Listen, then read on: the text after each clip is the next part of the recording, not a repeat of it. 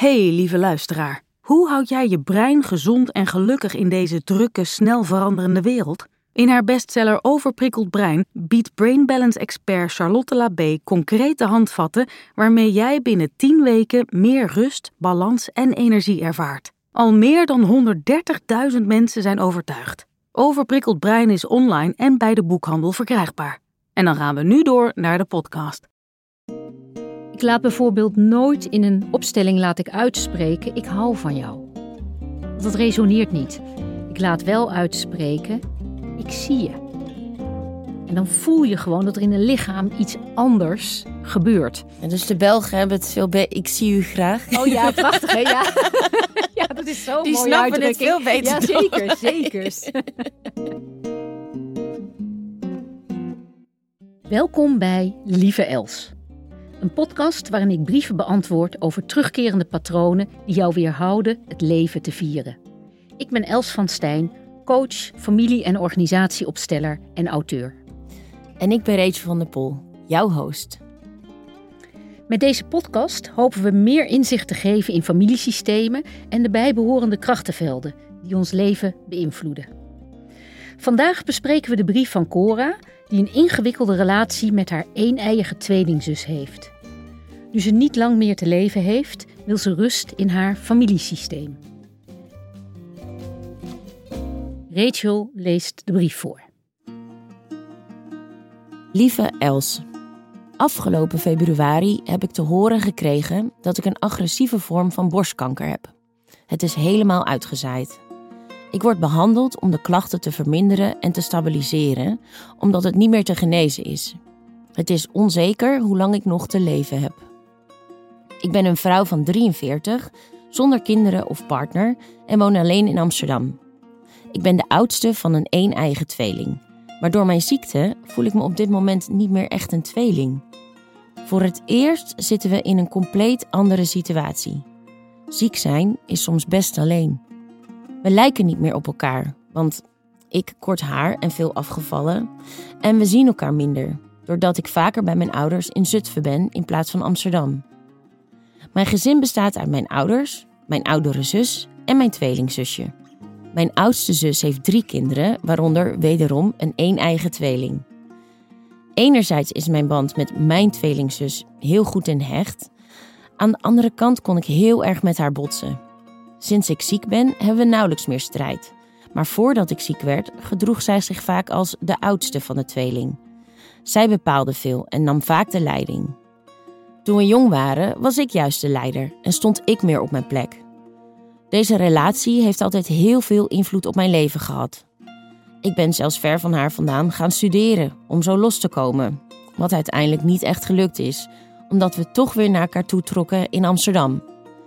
Ik heb wel relaties gehad en samengewoond, maar onbewust denk ik dat mijn tweelingzus altijd op nummer 1 heeft gestaan. Ik keek te veel naar wat ze zei en deed en hechtte veel waarde aan haar mening. Ik voel spijt en verdriet dat ik niet meer mijn eigen plan heb getrokken en niet meer uit mijn leven heb gehaald. Ik weet dat dit voor een groot deel mijn eigen aandeel is, maar ik had meer willen doen wat ik wilde. En ik had graag een man en kinderen gehad. Mijn oudere zus heeft in ons gezin vaak het gevoel gehad dat ze er alleen voor stond. Papa en mama samen en de tweeling. Daarnaast vond ze dat alles om de tweeling draaide. Terwijl mijn ouders ons heel erg apart hebben willen laten opgroeien door ons in verschillende sportclubs en klassen te zetten. Ze zeiden: We hebben drie dochters en niet, we hebben een dochter en een tweeling. Tijdens de puberteit ben ik niet altijd even lief geweest voor mijn oudere zus. Dat deed ik niet opzettelijk. Ik was jong en leefde gewoon mijn leven. Deze oude pijn komt nu allemaal bij haar terug. Ik vind het heel verdrietig dat ze haar jeugd zo heeft ervaren. Vorige week liep het bij mij thuis uit de hand tussen ons drieën. Het is nu min of meer uitgepraat, maar helemaal goed is het nog niet. Ik vind het belangrijk dat ik mijn familie met een goed gevoel achterlaat. Mijn tweelingzusje heeft geen man en kinderen. En ze heeft het gevoel dat ze straks alleen achterblijft als ik er niet meer ben. Ze is nu wel bezig met een IVF-traject om een kindje te krijgen. Ik hoop dat dat gaat lukken en dat ik haar kindje nog ga meemaken. Ook zou ik het fijn vinden als ze een leuke man ontmoet om samen mee te zijn. Mijn vraag is: Hoe krijg ik een fijn gevoel bij het achterlaten van mijn familie, vooral bij mijn tweelingzus? En hoe kan ik zorgen dat mijn oudere zus de oude pijn kan loslaten, zodat we de komende tijd nog een fijne tijd kunnen hebben? Ik hoop dat jullie me verder kunnen helpen. Lieve groetjes, Cora. Je krijgt grote vragen. Een vrouw die niet meer lang heeft te leven, vraagt eigenlijk aan jou: hoe laat ik mijn familie goed achter? Ja, en dat zijn natuurlijk onmogelijke vragen om te beantwoorden. Want iedereen heeft een eigen definitie van wat is goed achterlaten. Maar mijn eerste reactie is wel van um, gaat deze dame, de Scora, niet te veel verantwoordelijkheid op haar schouders eh, leggen die niet van haar is. En de kunst is eigenlijk altijd wat is van de ander en wat is van jouzelf. Uh, Cora die moet aankijken wat van haar is. En dat is uh, die agressieve vorm van kanker en dat ze dus niet meer lang te leven heeft. Dat is het eerste. Het tweede, het feit dat zij een een-eiige tweeling is en dat ze dus haar ja, andere helft als het ware uh, achter gaat laten. En dan blijkt er toch ook nog iets te zijn in de balans van geven en nemen en ontvangen tussen haar en haar oudere zus. Dus dit zijn een hoop uh, aspecten waar ze uh, zelf mee aan de slag kan. En daar gaan we het denk ik zo dadelijk verder over hebben. Ja, ja, want je zegt van ze heeft een agressieve vorm van borstkanker. Weet ja. dat je niet meer lang te leven hebt. Ja. Krijg je vaker mensen die de, de dood in de ogen aan moeten kijken en, en met dit soort vragen komen. Absoluut. Uh, je krijgt, ik krijg zowel mensen die echt uh, weten van het einde is nu echt nabij. En er zijn ook mensen die gewoon heel uh, ziek zijn met mogelijk consequenties dat dat naar de dood gaat leiden. Maar dat kan ook nog de andere kant op gaan. En eigenlijk een, ook in een opstelling met iemand die de dood in de ogen gaat kijken. In een uh, opstelling, dan zet ik vaak ook een representant voor de dood neer. Dan weet de cliënt niet dat dat de uh, de dood is. En dan ga ik eens kijken wat doet de, de cliënt innerlijk richting de dood. Draait hij ervan weg of gaat hij er naartoe? En uiteindelijk um, is, is, de zin die er erbij gaat komen in een uh, familieopstelling: ik stem toe. Zo. Ja. ja, ik stem toe. Want ja, de dood is nu eenmaal groter dan het leven. En ja vaak om die ook al in een opstelling aan te kijken, dan blijkt het ook vaak minder eng en minder spannend te worden. En dat zijn vaak ook hele mooie helende bewegingen, waardoor er een stuk rust gaat komen bij dan ja, de patiënt in dit geval. En eh, die kan dan nog vaak meer echt vol in het leven staan. Want pas, hoe gek het ook klinkt, als je ja kan zeggen tegen de dood, kan je ook pas echt ja zeggen tegen het leven. En ze weet niet, we weten niet hoe lang ze nog heeft. Maar daarin kan ze nog een aantal mooie dingen hopelijk doen. Waardoor ze, afgezien van de ziekte waar ze mee worstelt, hopelijk nog een hoge kwaliteit van leven kan uh, krijgen in het contact met de mensen. Ja. Nou, wat me verder hier opvalt, is dat ze beschrijft dat ze een agressieve vorm van borstkanker heeft. En ik heb ondertussen heel, heel veel opstellingen gezien. En eigenlijk, de, als ik borstkanker, uh, als dat verteld wordt door een cliënt dat er borstkanker speelt, dan zie ik bijna altijd, of eigenlijk altijd, dat er nog ruimte is in de innerlijke houding naar de moeder. Dus op een bepaalde manier kan ze haar moeder vaak dan nog onvoldoende in de fontein zetten. En als dat gebeurt, dan zien we vaak ook, horen soms ook echt in de medische trajecten, dat er opeens ook weer een verbetering is. En begrijp me goed, ik ben 100% voor het medische traject. Ik ben een uh, dochter van, mijn moeder was arts, mijn opa was arts. Ik ben absoluut van het medische traject. En ook het systemische werk kan ook helpen om daarin ook iets nog te doen, wat ook weer op een bepaalde manier doorwerkt.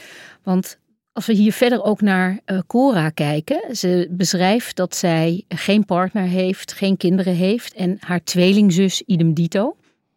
Nou, op het moment dat je uh, je moeder innerlijk niet bij je hebt, heb je ook vaak moeite met het vinden van langdurige en blijvende en hele voedende relaties. Dus dit vind ik ook alweer een interessante context, maar we zouden moeten zien in een opstelling hoe het echt in de diepte bij Cora zit.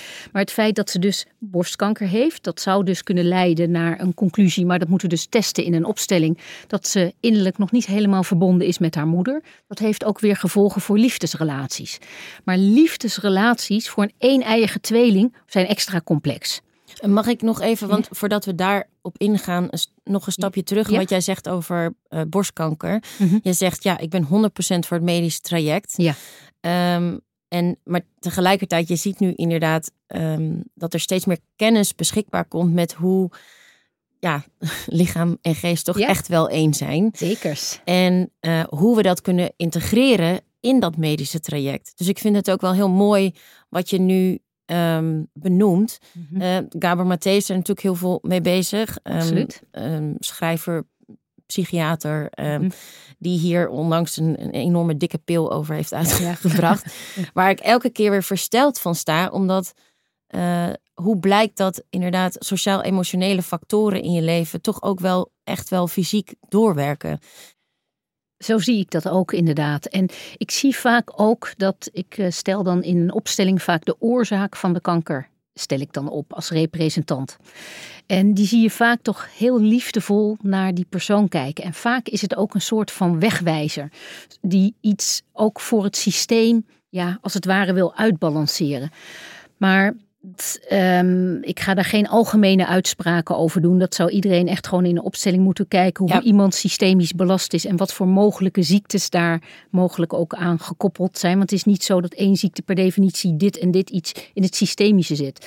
Maar het werkt allemaal op elkaar. Lichaam en geest, de systemische energie, die stroming van de fontein. Ja, alles kan helpen daarbij om hopelijk een uh, ja, beter of langer en gezonder mogelijk nog te kunnen leven. Dus ik zou zeggen van, uh, ik zou er ook zeker aanraden, kom alsjeblieft ook nog een opstelling doen als je de energie zou hebben. Ja, precies. En uh, nou ja, voordat ik jou even onderbrak, ja. je had het ook over liefdesrelaties of eigenlijk gebrek aan liefdesrelaties ja. bij, beide, bij die tweelingzussen. Ja. En daar wilde je wat over zeggen. Ja, Klopt. Of een, een twee-eiige tweeling is weer een andere dynamiek dan een één-eiige tweeling. Een één-eiige tweeling, die zijn zo met elkaar verbonden. Het lijkt wel alsof die echt samen een, eh, een deel van elkaar zijn. En uiteraard zijn het twee individuen, begrijp me goed. Maar we zien gewoon dat uh, op het moment dat een partner van een een-eiige tweeling het niet accepteert dat de partner op plek 2 komt en de een eigen tweelingzus eh, in dit geval op plek 1, dan heeft de relatie eigenlijk al uh, ja, moeite om echt goed te gaan stromen. Dat blijkt gewoon het geval te zijn. Iets samen heeft die tweeling, nou die is samen geweest, die is natuurlijk gesplitst. Ja, dat doet iets. En dat kunnen we wel ontkennen en kan het ook niet verklaren waarom. Maar dit is wat we zien. En ik vind het ook wederom opvallend in dit verhaal dat de liefdesrelaties van beide eh, een eigen tweeling delen, dat die niet heel erg goed werken. En dat wil niet zeggen dat als je nu een een eigen tweeling bent, dat je geen goede relaties kan hebben. Alleen de partner die moet echt realiseren dat de partner op plek 2 komt te staan. Je, als je een een eigen tweeling als partner hebt, die die tweeling die trekt naar elkaar. En als je dat niet kan handelen, ja, dan, uh, dan wordt het uh, zwaar weer. Ja, en het lijkt erop dat uh, de tweeling zelf dat ook moet accepteren. Juist. Want zij zegt, ik denk onbewust dat mijn zus toch altijd op één heeft gestaan. Ja. En, ik, en ik denk dat, ja. Um, ja, dat onze partner altijd op één moet staan. Dat is denk ik ook een cultureel construct. Ja. Zo van, oh nee, maar dit is mijn liefde, dit is mijn partner. Nou, de, die moet daar staan. En dat we, als dat innerlijk niet zo voelt, dat we die worsteling voelen van, huh, maar hou ik dan wel genoeg van hem, haar, weet ik veel wat. Um, terwijl, ja, waarom zou dat niet mogen? Waarom zou jouw tweelingzus broer, weet ik voor wie, niet op één mogen staan. En als alle partijen daar kennis van hebben en dat Ja. accepteren, Mhm. ja, wat je zegt, dan staat niks een, een goede relatie in de weg. Klopt. En ze, je, je be- je benoemt dit heel mooi inderdaad. Want ze beschrijft in dat ze zich bijna beschaamd voelt. Dat Ja. ze, of eigenlijk toegeeft dat, eh, dat tweelingzus altijd op plek eh, zeg maar één in haar leven heeft gestaan. En dat is ook correct.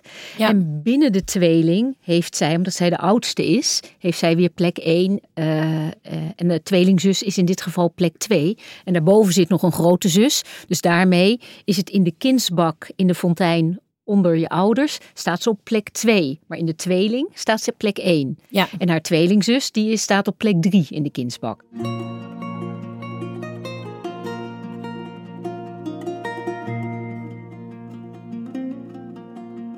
Die oudste zus, die zegt, eh, ja, ik heb altijd het gevoel gehad van, het was ik en de tweeling. Ja, was dat misschien dan ook zo?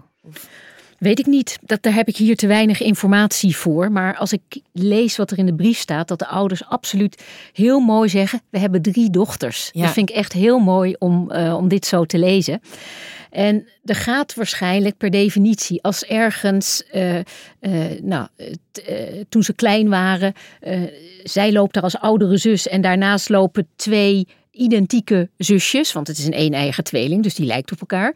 Dus die trekt per definitie de aandacht. Dus dat is wederom het lot dan van die oudste dochter. En welke pijn zij daarin ervaren heeft, ja, dat vind ik hier moeilijk om te beschrijven. Maar dat daar iets in zit, eh, is zeker zo. Maar dan is wederom, wat is van de ander en wat is van haar? Ja. Dit is de pijn van die oudste zus. De tweelingzus, Cora, die zegt ook wel... ik ben niet altijd even helemaal aardig geweest tegen mijn oudste zus. Ik weet niet wat daar gebeurd is. Nee. Maar tussen eh, broers en zussen, ja, daar hoort de balans van geven en ontvangen eh, in balans te zijn. Wil dat een voedende relatie zijn? En misschien heeft zij nog wel iets te geven eh, of aan- om aan haar grote zus om daar iets tegen te zeggen. En misschien is ook eh, een aantal systemische zinnen die helend werken, die zouden daarin heel simpel eh, eh, werkzaam kunnen zijn.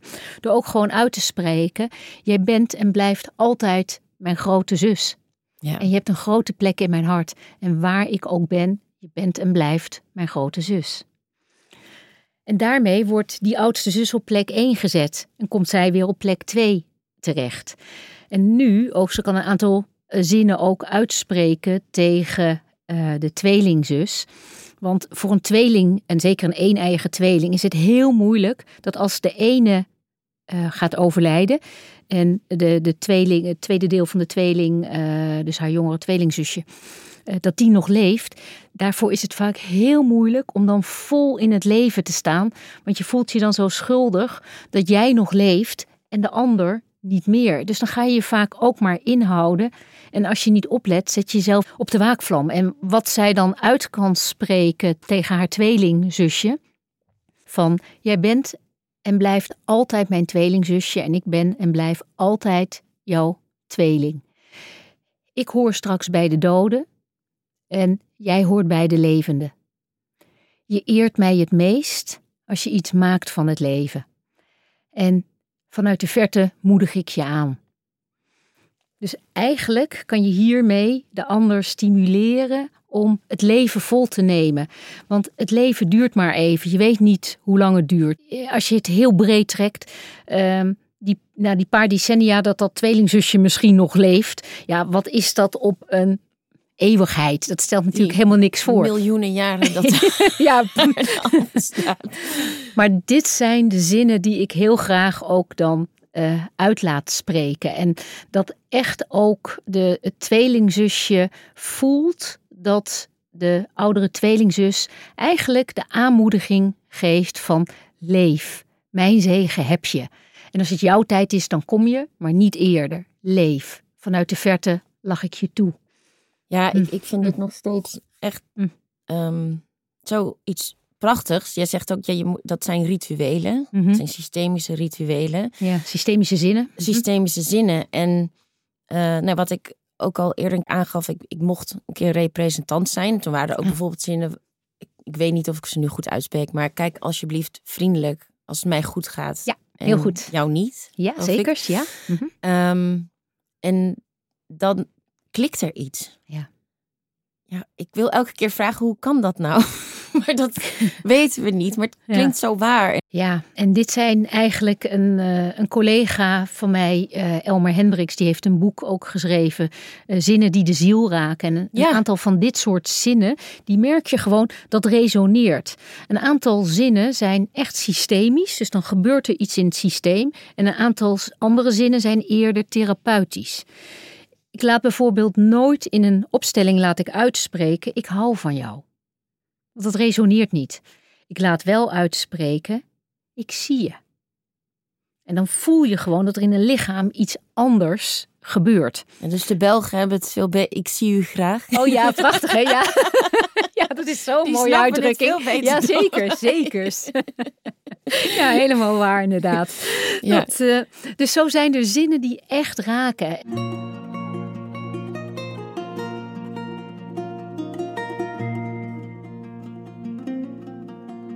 Je gelooft het niet, maar we hebben dus nog een brief gehad van één eigen tweeling, ook zusjes. Um, en ik dacht, ik, ik um, breng een klein stukje van die brief ook in, in deze brief, omdat het die dynamiek van als het de een goed gaat en het gaat de ander niet goed, dat ja, de, degene bij wie het wel goed gaat, voelt zich schuldig en gaat zich weer kleiner maken, waardoor er weer een soort wrokgevoel komt. Nou ja, de, deze uh, vrouw schrijft.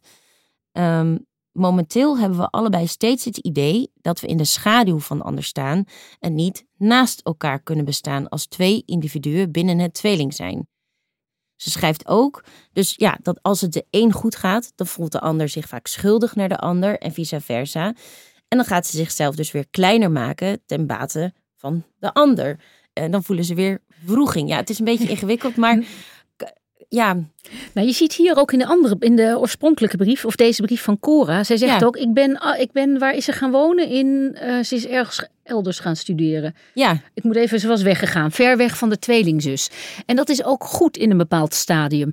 Want eigenlijk weet zeker een een-eigen tweeling, maar ook gewoon het mensen de aanhalingstekens, die kunnen er ook van last van hebben. Soms weet je niet waar jij ophoudt en de ander begint. Ja. En dan is het gewoon goed om eens even elders te zijn, waarin je niet direct uh, het contact met elkaar hebt, om eens dan even jezelf te leren kennen. Want op het moment dat je zo steeds dicht bij elkaar bent, als die tweeling dicht bij elkaar komt, dat klikt als het ware als een magneet zo aan elkaar. En dan kan je heel slecht voelen van wat is van mij en wat is van de ander. En dan moet je soms eventjes naar de andere kant van het land gaan. Of misschien wel eens eventjes een jaar in het buitenland gaan wonen. Vooral ook om jezelf te voelen en je eigen, als het ware, je huid te ontwikkelen. Dat je beter kan voelen van wat is van jou en wat is van de ander. En dit geldt niet alleen maar bij een, bij een tweelingdynamiek. Dit geldt ook bijvoorbeeld van stel dat iemand heel behoeftig is. Een ouder is heel behoeftig. Dus dat betekent dat hij onvoldoende heeft opgevangen in de fontein en dat wordt onbewust geclaimd bij een kind. Dan kan dat kind, die weet ook vaak niet waar het ophoudt en waar in dit geval even in dit voorbeeld dan de moeder begint. Dus die weten, eh, die kunnen ook geen grenzen voelen. Die zijn als het ware grenzeloos. Dus die moeten ook leren om weg te gaan en zich schuldig te maken om, eh, om je eigen leven te kunnen leven. Waarbij dat voor een een-eigen tweeling nog altijd een stukje moeilijker is. Omdat die. zijn moeilijker. Ja, we weten niet hoe exact maar, eh, hoe het zit. Maar het lijkt bijna alsof die een soort van ziel samen delen. Of, maar de kunst is echt om te gaan voelen bij een tweeling. Uh, waar begin ik en waar houdt de ander op? Ja, en als we um, uh, ter afsluiting kijken van wat, wat is het wat je Cora mee zou kunnen geven um, in deze laatste tijd van haar leven? Um, wat wil ik haar meegeven? Vooral dicht bij zichzelf staan. Waar heeft zij behoefte aan? Wat zorgt voor haar voor levensvreugde? Wat maakt dat zij met waardigheid in de spiegel kan kijken op het moment dat zij op haar sterfbed ligt? Wat wil ze dan gedaan, gezegd, mee hebben uh, gemaakt? Dus vooral dicht bij zichzelf blijven. Wat heeft zij nodig? Niet zozeer wat de andere nodig heeft, maar wat geeft haar met name waardigheid, zodat zij die laatste fase in haar leven, waarin ze hopelijk kan zeggen van ik stem toe. In plaats van dat ze allerlei energie verliest tegen, om te vechten tegen iets waar je het toch van gaat verliezen. Zodat ze de energie overhoudt om te besteden aan de mensen en de dingen die zij belangrijk vindt. Je luisterde naar Lieve Els. Wil je meer weten over systemisch werk en de fontein? Lees dan de boeken van Els, die we delen in de omschrijving van de aflevering. In de volgende aflevering bespreken we de brief van Annette, een volwassen vrouw die zich van binnen nog steeds een klein kind voelt. Wil je geen aflevering missen? Zorg dan dat je de show volgt. Dan verschijnt die vanzelf in je feed. Lieve Els is een podcast van VBK Audiolab, Cosmos Uitgevers en Els van Stijn de Fontijn. Bedankt voor het luisteren en hopelijk tot de volgende aflevering.